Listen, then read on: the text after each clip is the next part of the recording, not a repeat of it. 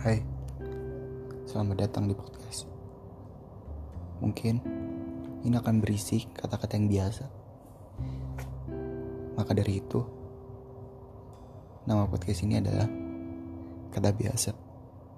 Selamat berkenalan dengan kata-kata yang biasa. Selamat berkenalan dengan patah hati yang biasa. Kita di sini akan membahas semua patah hati. Mungkin kita harus tetap tegar dan menjalani semuanya. Sampai bertemu di episode selanjutnya.